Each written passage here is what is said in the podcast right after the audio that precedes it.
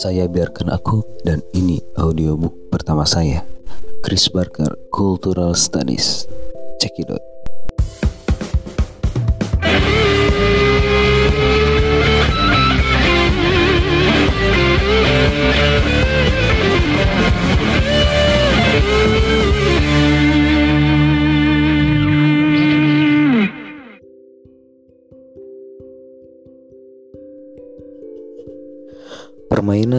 Bahasa Cultural Studies.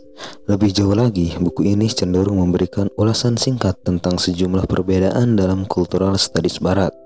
Di tengah-tengah keraguan apakah teori yang dikembangkan dalam suatu konteks, misalnya di Inggris, dapat diterapkan pada konteks lain, misalnya Australia, Eng dan Starton tahun 96 namun, saya ingin membuat pembenaran atas derajat generalisasi pada cultural, studies.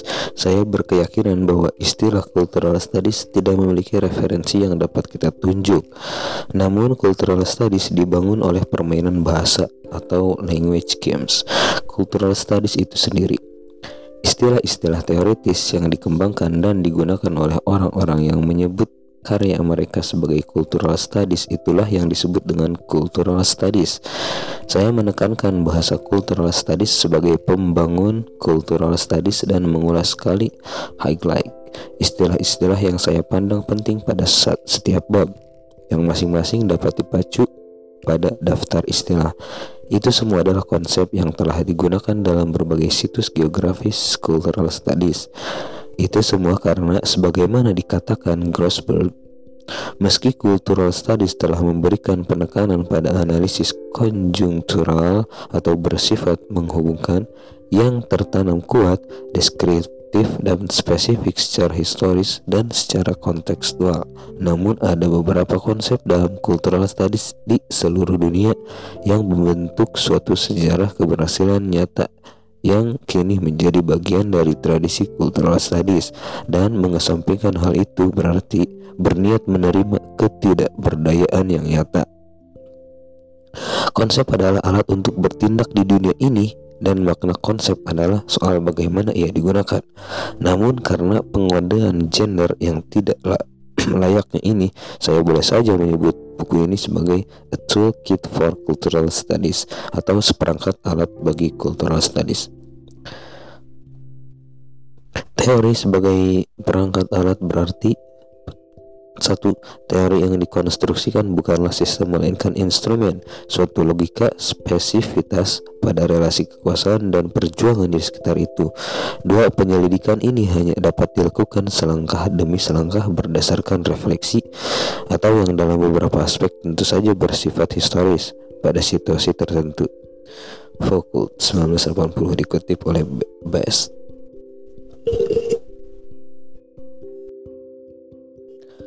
Cultural Studies sebagai politik Tetap saja, sulit menetapkan batas-batas Cultural Studies sebagai satu disiplin akademis yang koheren dan terpadu yang menjelaskan beberapa topik, konsep dan metode mendasar yang membedakannya dari disiplin lain.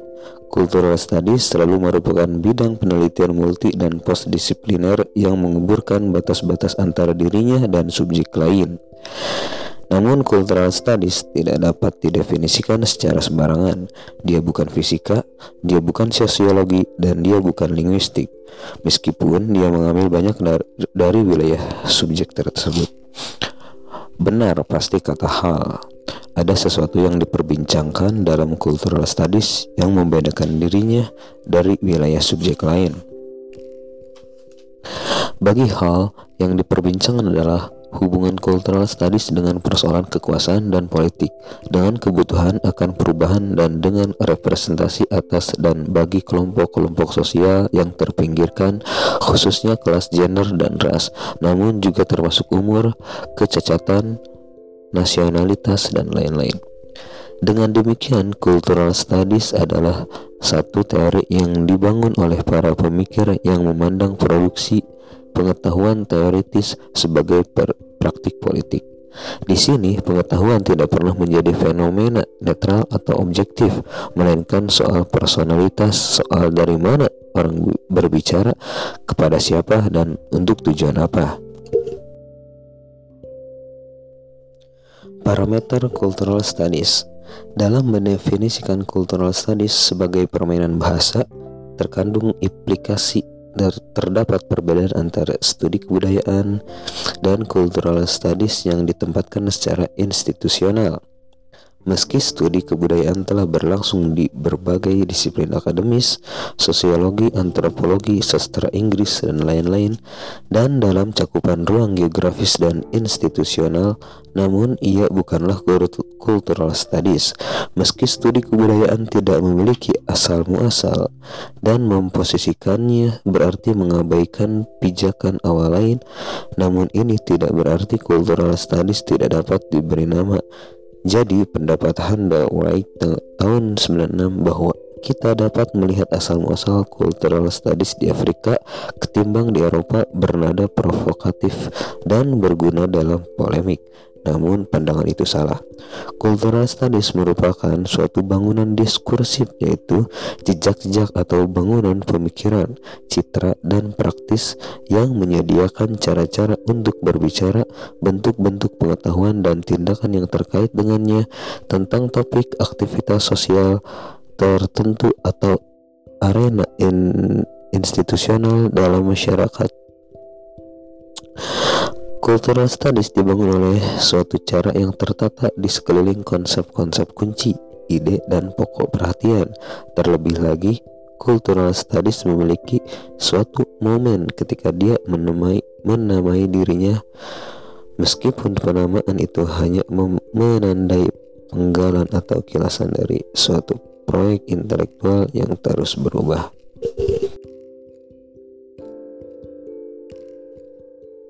Center for Contemporary Cultural Studies. Meski Cultural Studies tidak berniat menerima legitimasi institusional, pembentukan Center for Contemporary Cultural Studies di Universitas Birmingham, Inggris pada tahun 1960-an merupakan suatu gerakan organisatoris yang cukup menentukan. Sejak saat itu, cultural studies telah memperluas basis intelektual dan cakupan geografisnya. Ada beberapa yang mendefinisikan dirinya sebagai praktisi cultural studies di Amerika, Australia, Afrika, Asia, Amerika Latin, dan Eropa dengan masing-masing bangunan cultural studies yang bekerja secara berlebihan. Meski saya tidak mengistimewakan Cultural Studies Inggris, saya menilai pembentukan Cultural Studies di Birmingham sebagai satu momen yang berarti secara institusional. Terlebih lagi, meskipun Cultural, Studies cenderung melihat dirinya sebagai bagian dari gerakan gerilya intelektual yang mengumumkan perang terhadap batas-batas akademi resmi. Konsepsi romantis dan Harry cultural studies kini telah pas atau ketinggalan zaman. Paling tidak karena sukses yang tipis di tengah-tengah sejumlah kendala dari cultural studies dalam konteks pendidikan dan tentu saja dalam hal penelitian McGuigan 97 Cultural Studies telah memperoleh berbagai macam landasan intelektual, kuliah, buku-buku teks dan mahasiswa begitu ia menjadi sesuatu yang perlu diajarkan. Seperti komentar McGuigan, amat sulit melihat bagaimana hal ini menjadi sebaliknya meski dikhawatirkan cultural studies yang terprofesionalisasi dan terinstitusionalisasi bisa secara serampangan memformalisasikan pertanyaan kritis tentang kekuasaan, sejarah, dan politik. Ketika McRobbie 92 menyatakan bahwa cultural studies adalah suatu ranah yang menjadi rebutan dan tidak mampu melepaskan kelonggaran disiplinernya, orang merasakan adanya nostalgia romantis. Lokasi utama cultural studies adalah institusi perguruan tinggi dan tokoh buku. Konsekuensinya, cara untuk mendefinisikan cultural studies adalah dengan menengok kuliah-kuliah yang ditawarkan kepada para mahasiswa di universitas. Hal ini menyangkut kebutuhan untuk mendisiplinkan mendisiplinkan cultural studies. Mendis mendisiplinkan cultural studies. Banyak praktisi cultural studies menentang pembentukan batas-batas disipliner bidang ini, namun sulit untuk melihat bagaimana ini bisa bertahan jika cultural studies ingin tetap hidup.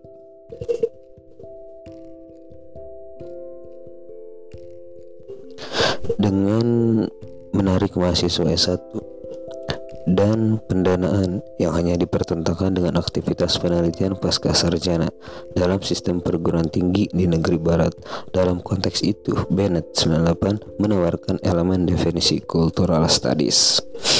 Pertama, cultural studies adalah suatu arena interdisipliner di mana perspektif dari disiplin yang berlainan secara selektif dapat diambil dalam rangka menguji hubungan antara kebudayaan dan kekuasaan. Kedua, cultural studies terkait dengan semua praktik institusi dan sistem klasifikasi yang ber yang tertanam dalam nilai-nilai kepercayaan, kompetensi, rutinitas kehidupan, dan bentuk-bentuk kebiasaan perilaku suatu masyarakat. 3. Bentuk-bentuk kekuasaan yang dieksploitasi dieksplorasi oleh cultural studies beragam, termasuk gender, ras, kelas, kolonialisme, dan lain-lain.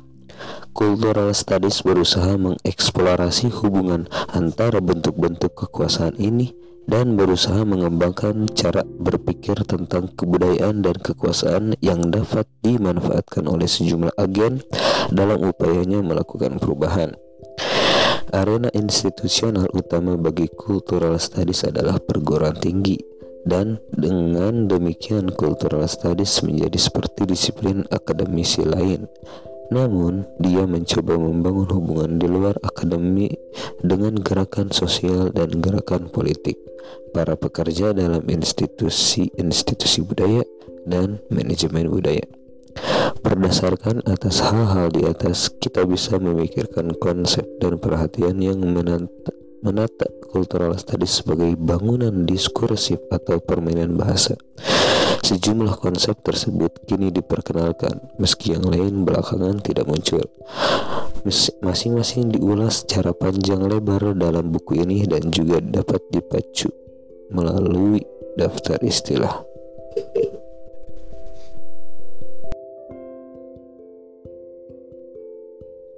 Konsep kunci dalam cultural studies, kebudayaan dan praktik pemaknaan. Cultural studies tidak akan mampu mempertahankan namanya tanpa fokus kepada kebudayaan. Sebagaimana dinyatakan Hall, yang saya maksud dengan kebudayaan di sini adalah lingkungan aktual yang berbagai praktik untuk berbagai praktik, representasi, bahasa, dan adat istiadat masyarakat tertentu. Yang juga saya maksudkan adalah berbagai bentuk nalar untuk kontradiktif yang berakar pada dan membantu membentuk kehidupan orang banyak. Kebudayaan terkait dengan pertanyaan tentang makna sosial yang dimiliki bersama, yaitu berbagai cara kita memahami dunia ini. Tetapi makna tidak semata-mata mengawang-awang di luar sana, melainkan mereka dibangun melalui tanda, khususnya tanda-tanda bahasa. Cultural Studies menyatakan bahwa bahasa bukanlah media netral bagi pembentukan makna dan pengetahuan tentang dunia objek independen yang ada di luar bahasa, tapi ia merupakan bagian utama dari makna dan pengetahuan tersebut.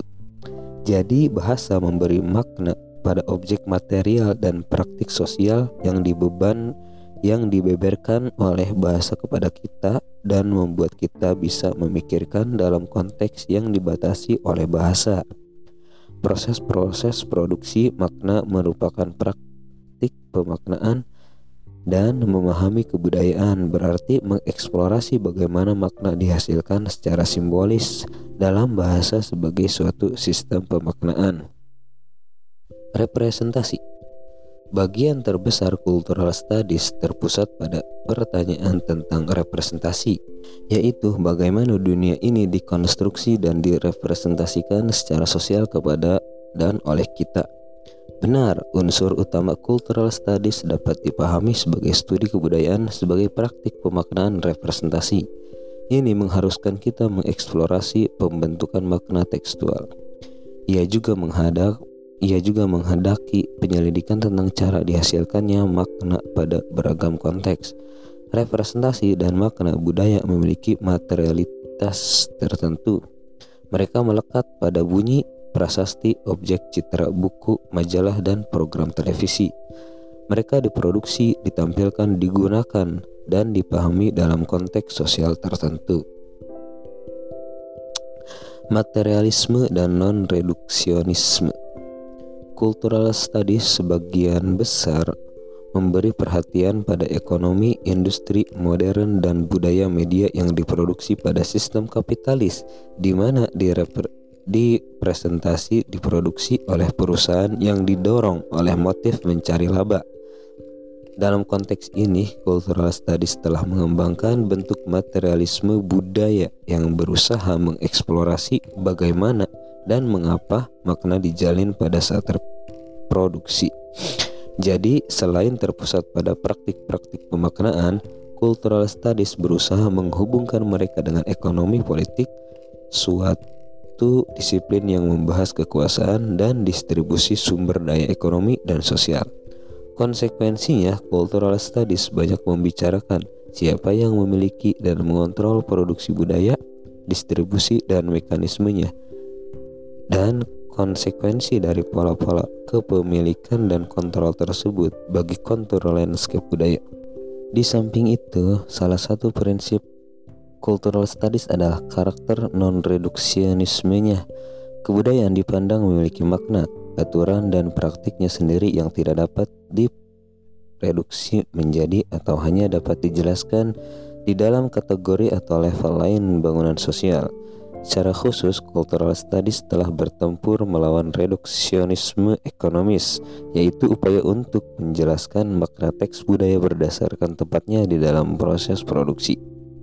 Bagi cultural studies, proses ekonomi politik tidak menentukan makna teks ataupun pemahamannya oleh audiens.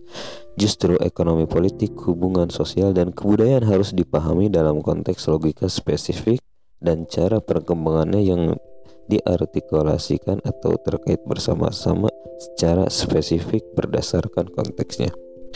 Non-reduksionisme cultural studies menegaskan bahwa Pertanyaan seputar kelas, gender, seksualitas, ras, entitas, bangsa, dan usia memiliki kekhasan masing-masing yang tidak dapat direduksi menjadi ekonomi politik ataupun direduksi satu sama lain.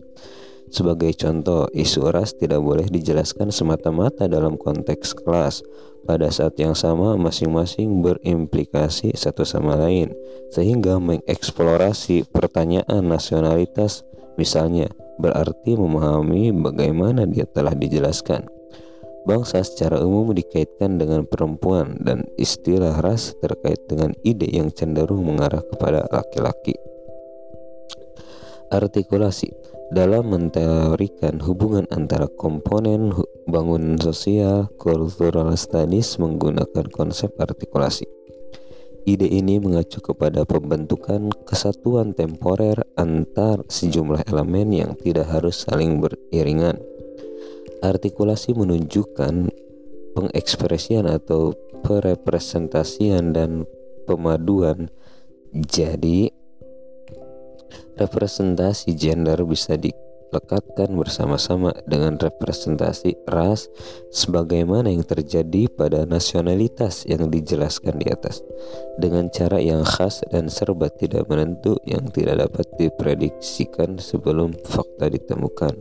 Konsep diartikulasi juga digunakan untuk mendiskusikan hubungan antara kebudayaan dengan ekonomi politik dengan demikian, kebudayaan dikait, dikatakan diartikulasikan lewat momen-momen produksi, namun tidak ditentukan secara pasti oleh momen tersebut.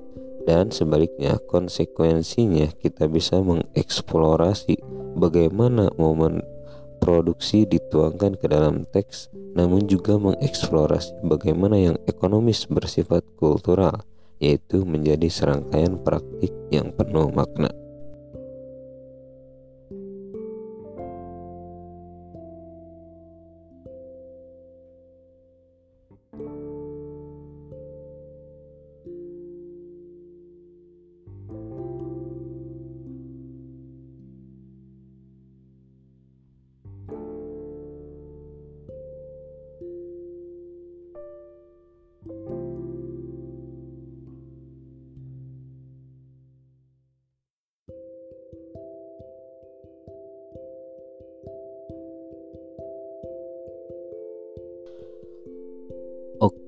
Oke, sekian dulu bab pertama ini. Selanjutnya kita akan masuk ke budaya pop, marxisme, subjektivitas dan identitas. Bye bye.